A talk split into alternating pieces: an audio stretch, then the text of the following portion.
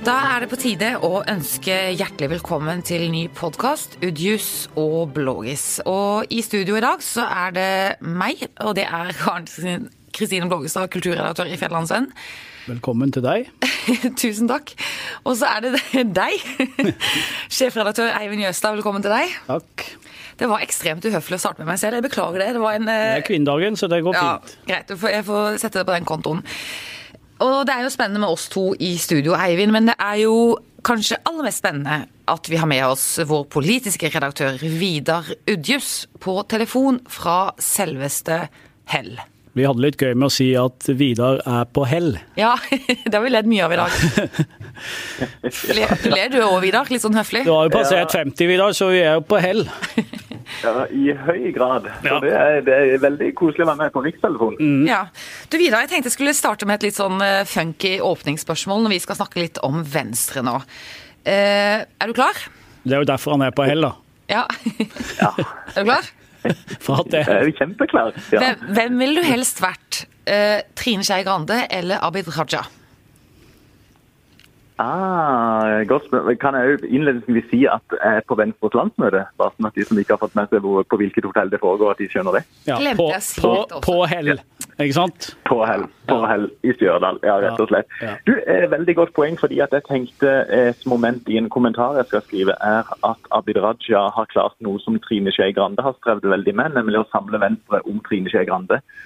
For ja, i alle fall den, den, eh, den følelsen jeg får når jeg snakker med folk nå, det er at de syns at Abid Raja har drevet det altfor langt med dette prosjektet Abid Raja. Prosjekt Og, Abid eh, Raja.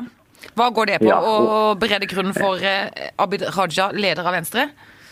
Det er iallfall veldig mange som tolker det sånn, og som syns han har hatt en såpass høy profil nå i media, særlig de siste dagene inn mot landsmøtet, og ha så uh, stort fokus på seg sjøl og en slags uh, stille opposisjon mot Trine Skei Grande, at en del her syns at nå går det egentlig litt, uh, litt langt. Og ja, Det er veldig påtagelig nå å snakke med, utsendinger i det landsmøtet holder på å lukke dørene og åpne.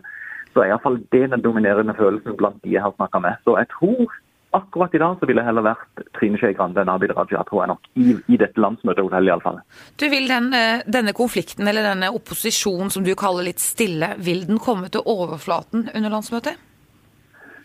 Jeg tror, dette, jeg tror nettopp fordi at Abid Raja har kjørt så eh, offensivt og så synlig og så lite klokt, så tror jeg dette her i stor grad vil bli samling rundt Trine Skei Grande.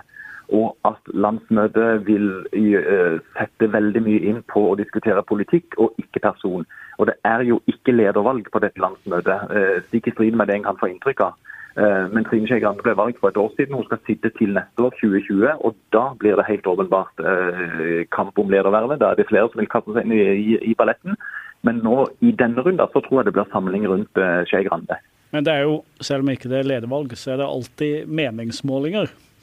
Og når du ser ett når du ser ett-tallet på vei inn i et landsmøte, Ja. så, så, bli, så mener du at ikke, de kommer til å, at ikke det kommer til å være et tema. Og også da Ja, hvordan partiet ledes. Ja, jeg tror, jeg tror heller det blir det motsatte, altså samling i bånn. At uh, nå, nå, nå er det bare helt desperat viktig at vi ikke eh, sår enda sterkere inntrykk av intern splid når vi allerede ligger så langt nede. Eh, og så er det veldig ulike oppfatninger av hvor god leder Trine Skei Grande har vært nå, særlig det, det siste året, og hvor godt hun har klart å profilere Venstres politikk i regjering. Men jeg tror de, de fleste i alle fall er enda reddere for en, en åpen lederdiskusjon når de ikke skal ha en lederdiskusjon på, eh, på dagsordenen. Men du Vidar, det er jo ikke så lenge siden eh, man begynte å samle seg der oppe på Hell. Eh, Men hva sier liksom venstrefolk i gangene på landsmøtet nå? Hva er det som er eh, Altså, hva sier venstrefolk om venstreproblemet? Det som, det, som er, det som er rett og slett ganske sjarmerende og trivelig med venstrefolk, det er at de, de trekker litt sånn på skuldrene og humrer litt. Eh, og dette er altså tredje landsmøte på rad hvor det er ganske kaotisk. Eh, I alle tre tilfellene så er det vel strengt tatt Abid Raja som har bidratt til det.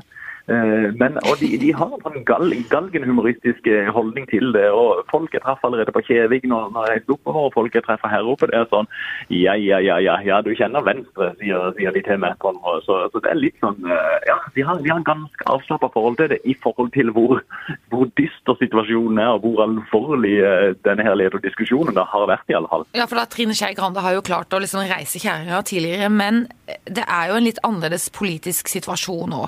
For nå sitter de i regjering med et parti som mange syns det er vondt å sitte i regjering med, nemlig Fremskrittspartiet. Og vi har et Senterparti som fosser frem, og som også Venstre peker på som en eh, stor motstander i det politiske diskusjonen. Det, kan det være at de tar litt for lett på de dårlige meningsmålingene nå? Nei, jeg tror ikke de tar lett på det. Men, men, de, men de, har samtidig Jeg må gi de rett i det at de har, de har kondis, og de har vært nederlagsdømt veldig mange ganger før. Og eh, de, de, har altså greid å komme seg tilbake gang på gang, og det har sett ganske mørkt ut. Meningsmålinger på ett-tallet det vet jeg om veldig mange her har opplevd. Det, det er helt sant. Og det er som du sier en ny situasjon. De sitter i regjering. Men selve det prinsippet om at de har vært nederlagsdømt eh, og senest mot sist landsmøte så var det en kommentar i Aftenposten som var helt nådeløs og egentlig konkluderte med at Venstre sier forbi. Og vips, så var de oppe sperre, over sperregrensa og kom sannelig inn i regjering i løpet av denne, i løpet av ikke så, så lang tid. Så de har en, de en stayerevne politisk, og de har, de har mange dyktige lokale politikere rundt forbi samtidig som det ble, er blitt enda vanskeligere å være Venstre rent politisk. Ikke bare fordi de sitter i regjering, men fordi at det er så enormt sterk konkurranse om sakseierskapet til saker som Venstre før, om ikke var alene om, så iallfall hadde et godt grep om. Miljøsaken har de, har de MDG, og så ja, gründer næringsliv, Høyre, skolepolitikk, Høyre osv. Du, Eivind Vidar vil jo være Trine Skei Grande hvis han fikk velge. Hvis, men hvis du skulle være Trine Skei Grande, hva ville du gjort med partiet nå? Jeg, jeg øhm, ville gått inn i hvor skadelig det har vært, og, og, hvor skadelig det er å sitte i regjering. Uh, og Det har jeg lyst til å spørre videre om òg, men jeg kan jo si noe om det i forhold til hvor du ser først det å gå i regjering med Fremskrittspartiet. Åpenbart uh, et sår i, blant mange av Venstres kjernevelgere. Og så ble det, Mitt inntrykk er at det har blitt ytterligere forverra av at uh, det som kanskje var en nærere kompis uh, politisk, Kristelig Folkeparti, også kommer inn i regjeringen. Det var jo et ønske primært at Venstre og KrF skulle gå inn sammen. og Så venta KrF, og så kom de inn nå. Og så har det bare blitt enda verre for Venstre, virker det som. For nå slites de fort med å være en del av Frp-laget. Og så har de fått på KrF, som kom inn med sine hjertesaker, som også er åpne sår i Venstre.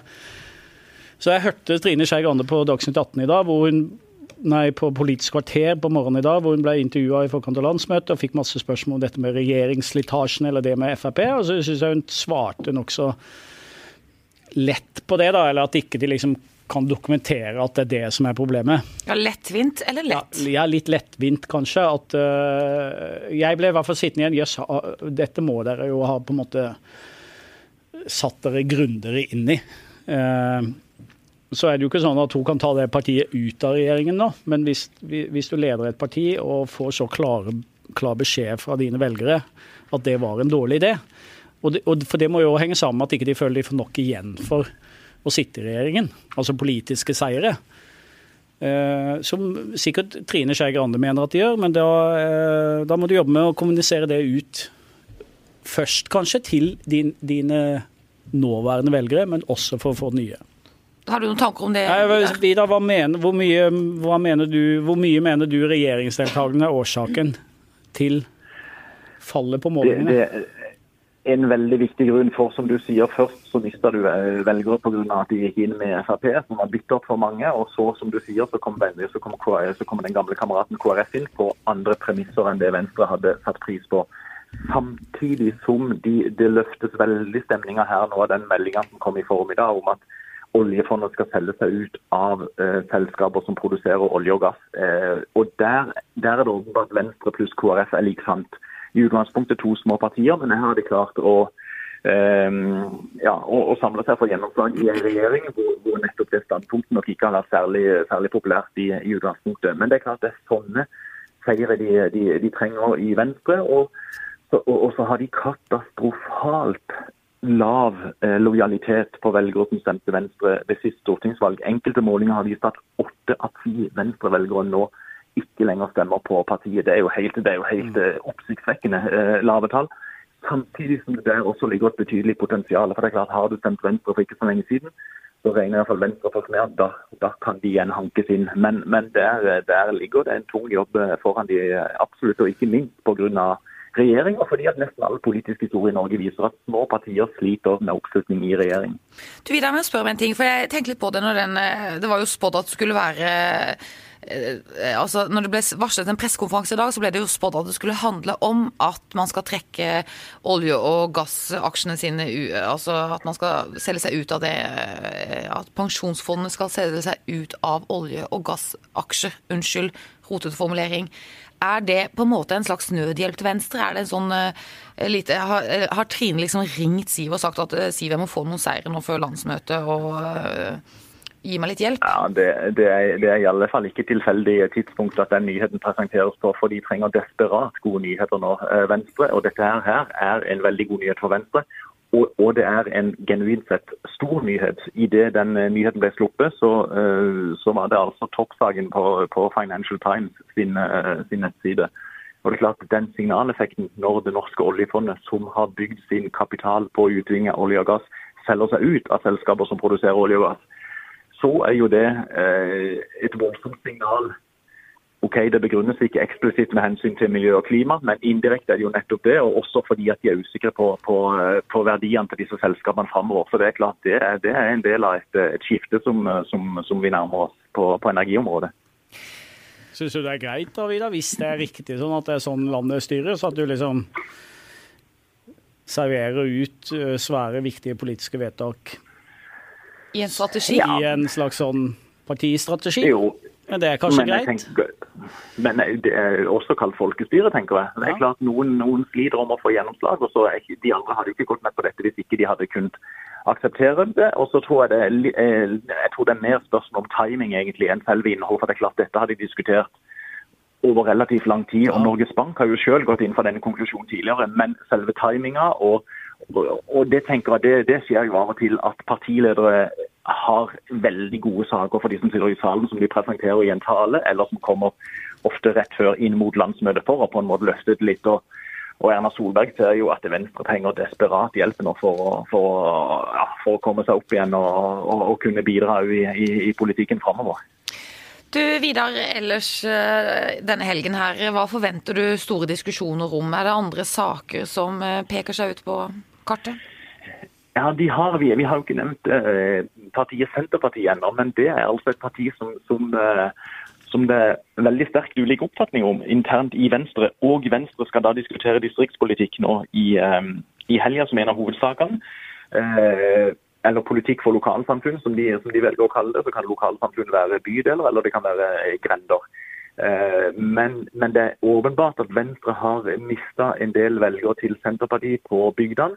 Samtidig så mener da Venstre-strateger, og vi så det også på, ehm, på eh, Petter Tollnes, eh, sentralstyremedlem fra Lillesand, i intervju i Federlandsvennen, at han mener at Venstre har en del å tjene på å gå opp en tydelig grenseoppgang mot Senterpartiet, erklære de som en hovedmotstander for å få fram forskjellene og det som da Venstre står for, kontra Senterpartiet. Så det er ganske interessant at, eh, at de to gamle sentrumskameratene da skiller så sterkt lag i, i, i, disse, i disse tider. Du, så må jeg spørre om en annen ting også, fordi at det er jo 8. mars i dag. Gratulerer med dagen til eh, begge dere to, og til meg. Ja, gratulerer. ja, det var jubel. Det ble, det ble sånn stemningsløft i podkasten, følte jeg. ja. Eh, og Trine Skei Grande er jo også da likestillingsminister. Eh, kommer det til å bli markert noe 8. mars på Hell i dag? Ja, Det er jeg litt, eh, litt, usikker på. Det har vært en demonstrasjon ut forbi her, men det viste seg å være eh, folk som vil demonstrere mot eh, gruve, gruvedrift i Repparfjord ja, i, i, Finnmark. Så ja, Men ellers er jo, og i forlengelsen av det vi snakka om i stad, Venstre er jo og ser på seg selv som et sterkt likestillingsparti.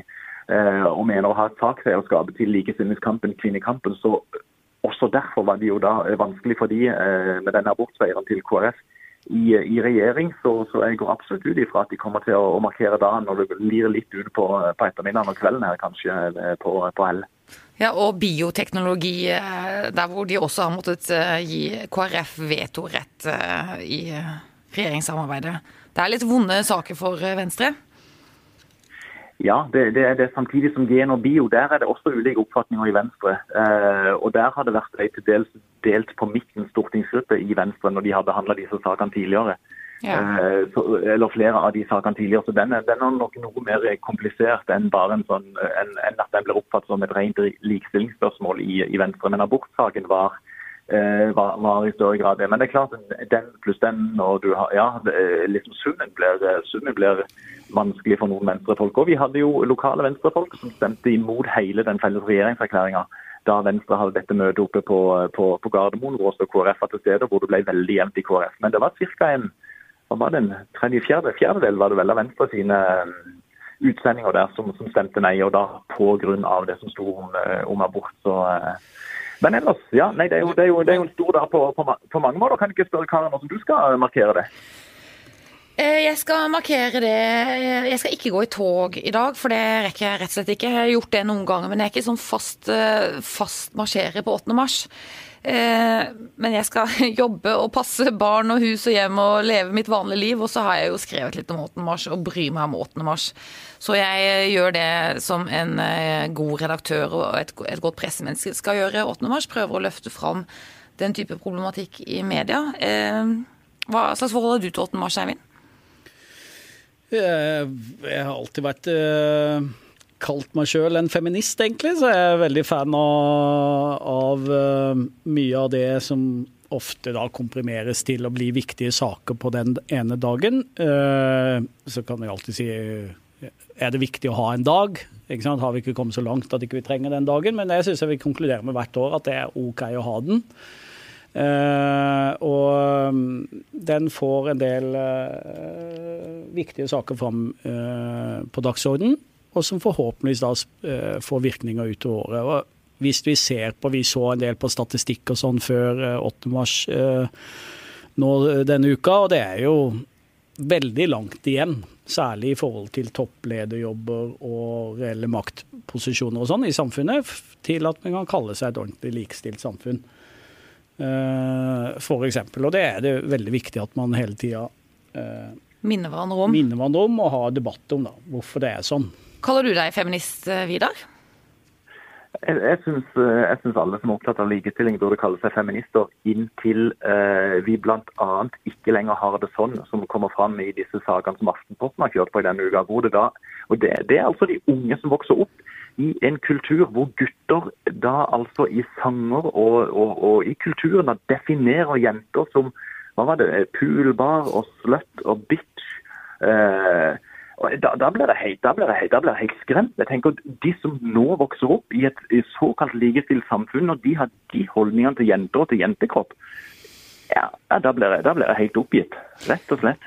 Du, Vi har jo snakka om det litt før, Vidar, for ungdomskulturen er jo enormt sexifisert. Altså, Hvis du eh, prøver å oversette hiphop-sangene som dine barn går rundt og synger på, så blir du jo eh, ganske forskrekket. Og russetiden har vi jo diskutert før med en oppførsel og en holdning som jo også skremmer voksne litt. Eh, så det har jo vært en sånn ny metoo-bevegelse, eh, vitalisering denne uken, med at skolegården og ungdomskulturen også må eh, diskutere seksuell trakassering mye mer. Og du har jo også vært litt berørt av det, Eivind. Du er jo far til tre jenter. Ja, og de det, det, som er rart, det er jo opplever jo at unge jenter i dag er jo kanskje mer selvstendige, mer, eh, har mer selvtillit, mer trygge enn generasjonene før. Eh, det finnes ingen eh, grenser for hva de kan oppnå osv. De er bedre utdanna enn guttene, de eh, liksom gjør det bedre på veldig mange parametere. Og samtidig med det så er det allikevel eh, også et sånn eh, seksualisert eh, språk rundt jenter som, som, er som Vidar sier, skremmende, men også Ja, det er rart at det har vokst fram parallelt, da. Ja, det er veldig det underlig. er På kvinnedagen, som jeg pleier å si til eller Nå har jeg bare jenter, da, så jeg sier til de, mine venner som har unge gutter, at de må liksom ta den ordentlige alvorspraten med, med unge gutter og fortelle dem liksom hvordan de skal behandle og omtale jenter og unge kvinner. da. Du ser alltid veldig, veldig hardt på meg når du sier det, Ja, jeg for jeg har jo det. fire sønner. Det er en utrolig viktig samtale å ta. Ja, men det er jo veldig rart dette her, og det kan nesten virke som pendelen har svingt tilbake. For hvis du eh, holder opp den metoo-kampanjen som de nå ønsker å på en måte eh, skape også i skolegården og sånn, og, og unge jenter som er så selvbevisste og sånn, og sånn, så er det jo samtidig i vår tid mer enn noensinne virker det som om opptatt av utseende og imagebygging. Og hvis du går og ser på en sånn gjennomsnittlig Instagram-konto til eh, jenter i videregående skoler eller i ungdomsskolen, helt nede i ungdomsskolen, så legger de jo selv ut bilder av seg selv som er ganske sånn seksuelt betont. Det er en poserende kultur, er det jo. En poserende kultur, kaller du det. Ikke seksualisert kultur. Handler det ikke litt om det, da? eller?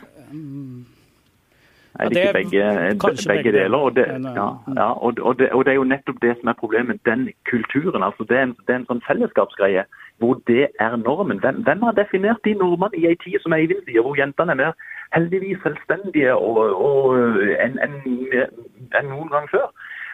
Og så allikevel så blir det, så blir det premissene liksom, som, som, eh, som kulturen landes på. er- er- Men, men det er jo komplisert. Ikke for, ja, men ikke for å forsvare dårlig gutteoppførsel over hele hodet, ikke. Men det er jo et komplisert bilde når jentene ikke vil bli kalt hore, men samtidig legger ut bilder av seg selv eh, på Instagram eh, med hva heter det, 'kom og ta meg i blikk' hele veien. Det er jo litt sånn Ja, ja, det, det er litt sånn mixed signals, altså, på en måte. Ja, Nå ble Eivind jo- veldig streng. Nå er du jo ute i et veldig skummelt landskap, Karin. Nei, jeg mener at jenter også må ta, jo- ta vare på seg selv, og, og eh, at de også har ansvar, altså. Jo, men det, det, du er jo, det er jo farlig nær den der gode, veldig gamle voldtektsdiskusjonen. Ikke gå med eh, korte skjørt, Hvis ja. du har gått med korte skjørt, så har du bedt om det. Og det er, vi må ikke dit, liksom. Jenter må få lov å å- Gjøre hva de vil. Ja, de må jo få lov å legge ut de bildene de vil, uten at uh, straffen er å bli kalt uh, de verste ting. Det tenker jeg.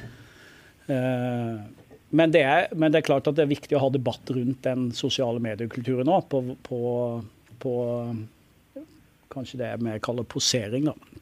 Nå gjør jo guttene det òg. Og hvis du ser på hvordan kroppsfokuset er blitt på gutter, så hvorfor ikke ha det samme diskusjonen om det? Mm. Hvorfor er det verre at jenter poserer på sosiale medier enn at gutter gjør det? De er jo, det har jo vært en mye større forandring der.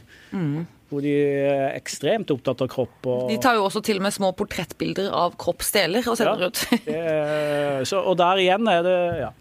Og så er det en annen ting med, med 8. mars som er, eh, som også er viktig å bli minnet på, som, er, som samfunnet går utrolig tregt på. Det er det der med kvinner som deltar i den offentlige debatten.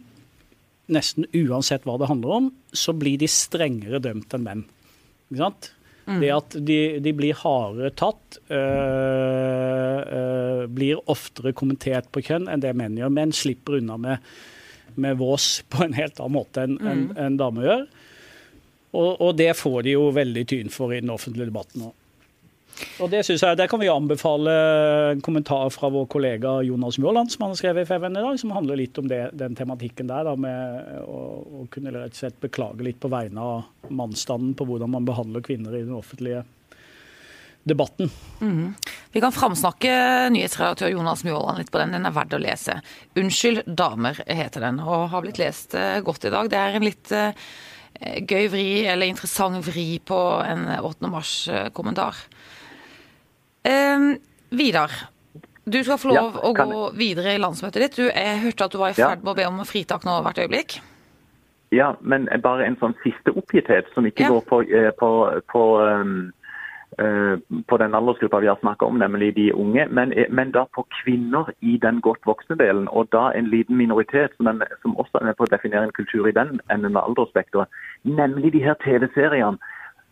Hvor damer Damer, altså eh, jeg, jeg klarer ikke å beskrive det. ja. Altså, Hollywood Wives og dette her. Ja, men ikke sant? Det er jo voksne damer som fjaser rundt hele døgnet uten å ha noen ting annet å gjøre enn å bekrefte de fordommene om at å ja, det er det damer gjør, ja. Som, som, eh, som holder til i rike familier, kanskje er de rike menn, eller hva er det for noe, så, så bruker de da ut og da inn på slarver og bakbetaler, hvor skal vi, hvor skal vi spise neste lunsj, og, og, og det der dukker opp i flere, i flere, flere forskjellige land. og i, helt, Folk vil se på det, da, tydeligvis, eh, men jeg er jo helt enig med deg. Vi Ja, har det verste ja, programmet ja. med- som, er, som kan rulle på TV-skjermer hjemme hos meg, er et program som heter Say Yes to the Dress. Som altså bare handler om eh, hva slags Nei, det handler om hva slags bryllups... Eller brudekjoler kvinner Eller har program om hvor de prøver forskjellige brudekjoler, og hvordan de er finest mulig kjole. Ikke sant. Åh, nei. Ja, nei, vi trenger 8. mars. Vi gjør nok det. Vi trenger mer 8. mars. Vidar, du skal få lov å gå videre Ja. i Venstremøtet og ha en fin helg på hell. Hører dere hvor gøy jeg syns det er å si hell? Jeg syns det er et veldig vittig åsted for Venstrelandsmøtet. Ja. Tusen takk. Hell og lykke oss videre. Ja. Ja, takk. Mm. Så må du jo huske på det der med å mingle med liksom, journalister og politikere, og mingle og drikke øl sammen og sånn, at det er jo, har vært litt diskutert i det siste. Vi er én stor familie. Ja. Ingen grenser. Nei. Ja. Lykke til. Tired of ads barging into your favorite news podcasts? Good news. Ad-free listening is available on Amazon Music for all the music plus top podcasts included with your Prime membership. Stay up to date on everything newsworthy by downloading the Amazon Music app for free or go to amazon.com slash news ad free. That's amazon.com slash news ad free to catch up on the latest episodes without the ads. ja, takk. Du, Og så skal vi, Eivind, snakke litt til, eh, litt kort videre om en stor snakkis denne uken. Fordi at eh, førstkommende søndag nå så viser NRK en omstridt dokumentar om Michael Jackson. Og der kommer det eh, igjen nye påstander om overgrep som han skal ha begått mot disse, to av disse barna som han eh, omgikkes eh, da han levde. Kan jeg foreslå der, Karin, at vi bytter rolle litt? Fordi at dette Ja. har du satt deg mye mer inn i enn meg. Ja, Så det siste temaet er egentlig mye finere at jeg stiller deg litt spørsmål. har du dårlig at- basiskunnskap om Michael Ja, Jackson? Ja, det er generelt dårlig på musikk og sånn, men, Ja. Men du eh, har satt deg inn i det, og folk har sikkert fått med seg at NRK denne uka har fått en del kritikk, fordi at de, både for at de skal vise den dokumentaren, og at de da i, eh, plutselig et lite, fikk et lite drypp der, vil nesten jeg si, og fant ut at ikke de skulle, at det ikke skulle være lov å spille Michael Jackson-sanger på to av radiokanalene i to uker. Uh, som de da seinere gikk, Gikk tilbake tilbake på, Ja. Men OK, hva er det som har hva, hva, eh, for, Vi tar dokumentaren først. Hvorfor er den omstridt, og hva er det den forteller? Altså, Den er jo omstridt fordi det handler om superstjernen Michael Jackson. Eh, kjent over hele verden. Eh, Nesten ingen større stjerner enn han noen gang i musikkhistorien. Og han var jo en myteomspunnen stjerne. Han var eh, levde i dette eventyrslottet sitt og hadde en del venner som han tilegnet seg, og mange av de var barn. Unge gutter og et par jenter også, tror jeg, som han hadde veldig eh, unormal kontakt med. De kom på besøk til ham eh, med familie, ofte uten familie. De overnattet hos ham, og de hang rundt på eiendommen hans og, og fulgte han litt rundt forbi. Og så har Det det har vært kjent tidligere, og han har jo blitt frikjent i retten for det. Ja, Men nå kommer altså i denne dokumentaren så bærer to av hans nærmeste barn i gåseøyne, da, eller venner, fram eh, anklager om overgrep. Og som nå er voksne, selvfølgelig. Som nå er voksne, og som nå altså må forklare hvorfor de kommer ut med disse historiene først nå. Og så må de forklare hvorfor de tidligere, når de var yngre, har sagt at de aldri har sett noe til overgrep eh, i sfæren rundt Michael Jackson. Og det eh, stiller jo deres troverdighet eh, altså det, Man kan jo stille spørsmål ved deres troverdighet eh, pga. de to siste momentene der, men hele den dokumentaren er også omstridt fordi Michael Jackson er død, kan ikke svare for seg, og filmskaperne har ikke skaffet eh, Altså, de har ikke fått eh, Jackson-familien heller eh, til mikrofonene, sånn at de kan forsvare for seg og komme med sine synspunkter eh, mot disse Det er jo ytterst problematisk. kjempeproblematisk. Nå svarer filmskaperen, og han har også referert til tidligere fri, til den frikjennelsen han fikk når han var tiltalt eh, i 2005, Michael Jackson. Og de siterer advokaten han har hatt opp igjennom og sånn og sånn, men eh, eh, den andre parten, eller vi får ikke noe sånn korrigerende virkelighetsbilde i den dokumentaren, og det er problematisk.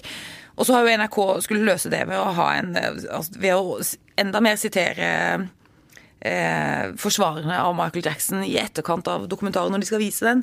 Ja. Men det har skapt veldig mye blest eh, da, rundt dokumentaren. Og det er jo fordi at eh, Michael Jackson har tidligere blitt frikjent for disse anklagene har kommet med ujevne mellomrom i hele hans litt voksne karriere. Syns du det er riktig av NRK å vise, vise den? Har du sett den? Jeg har, jeg har, sett store deler av den, men ikke hele. Den er ganske lang. Den er tidvis også ganske kjedelig. Men eh, nei, jeg, jeg, vi ville jo ikke gjort det, tenker jeg. Vi ville jo synes det var problematisk. Og jeg hørte Aftenposten var i diskusjon med NRK her tidligere i uka. og Aftenposten sa at de ville ha syntes det var kjempeproblematisk og antageligvis ville valgt den vekk, fordi det er ikke noe tilsvar der. Og det er jo en veldig basal presseetisk Den ble vist på HBO i utgangspunktet, mm. de som har lagd den. Mm. Uh, som jo er en seriøs distributør. Absolutt. Uh, Men veldig sånn god og anerkjent filmskaper også. Ja. Vil du vise den? Jeg har ikke satt meg nok inn i den til det, men det er jo veldig problematisk i forhold til mulighet til å svare. Så, så, det er klart hva man, hva man, har gjort der for å få noen til å svare på vegne av uh, Michael Jackson, det vil jo være helt avgjørende. Mm. Så er det jo sånn at hvis det avdekkes eh, sanne ting her, så er det jo veldig alvorlig og viktig at det kommer fram. For det er i sum nå ganske mange unge gutter som har stått fram og fortalt at de har blitt utsatt for overgrep. Ja.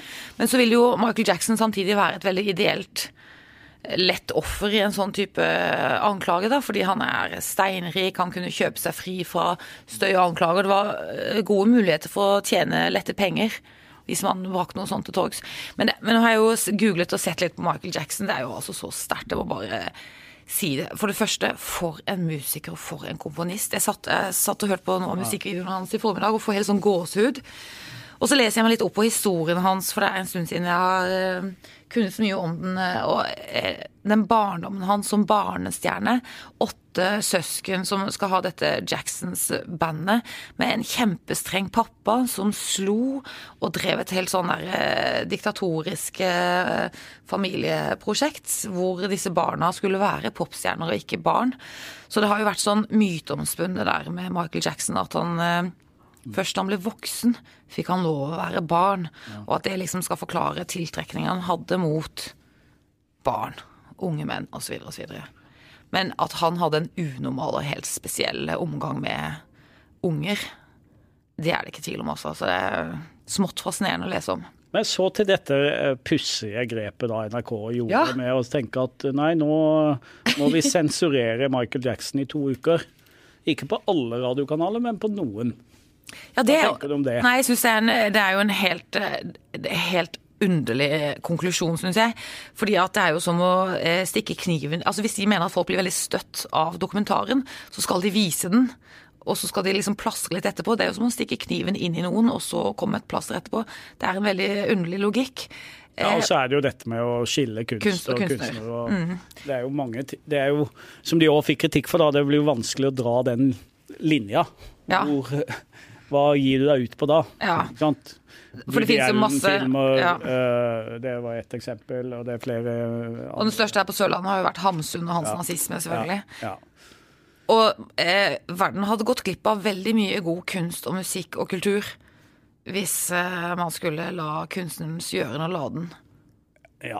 få farve for mye Så vi må vel kunne si der at NRK Det var fornuftig å reversere den beslutningen. Det var en litt sånn surrete historie, for at de holdt jo på å argumentere for det i to-tre dager, og så kom Tor Gjermund Eriksen og satte foten ned. Ja. Det tror jeg var klokt. Jeg, skal du se dokumentaren til søndag? Det ser ikke bort fra det. Nei. Det er en fascinerende og interessant historie, og den er jo vond, da.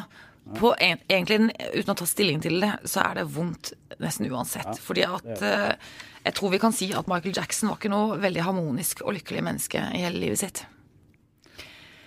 Men bortsett fra det, så må du ha en god helg, du Eivind. Du får sikkert gjøre spennende ville ting. Og så må alle våre lyttere ha tusen takk for at de hørte på, og en god helg til de også. Også til han som er på hell. På hell. Fikk jeg sagt det en gang til. Ha det, ha det.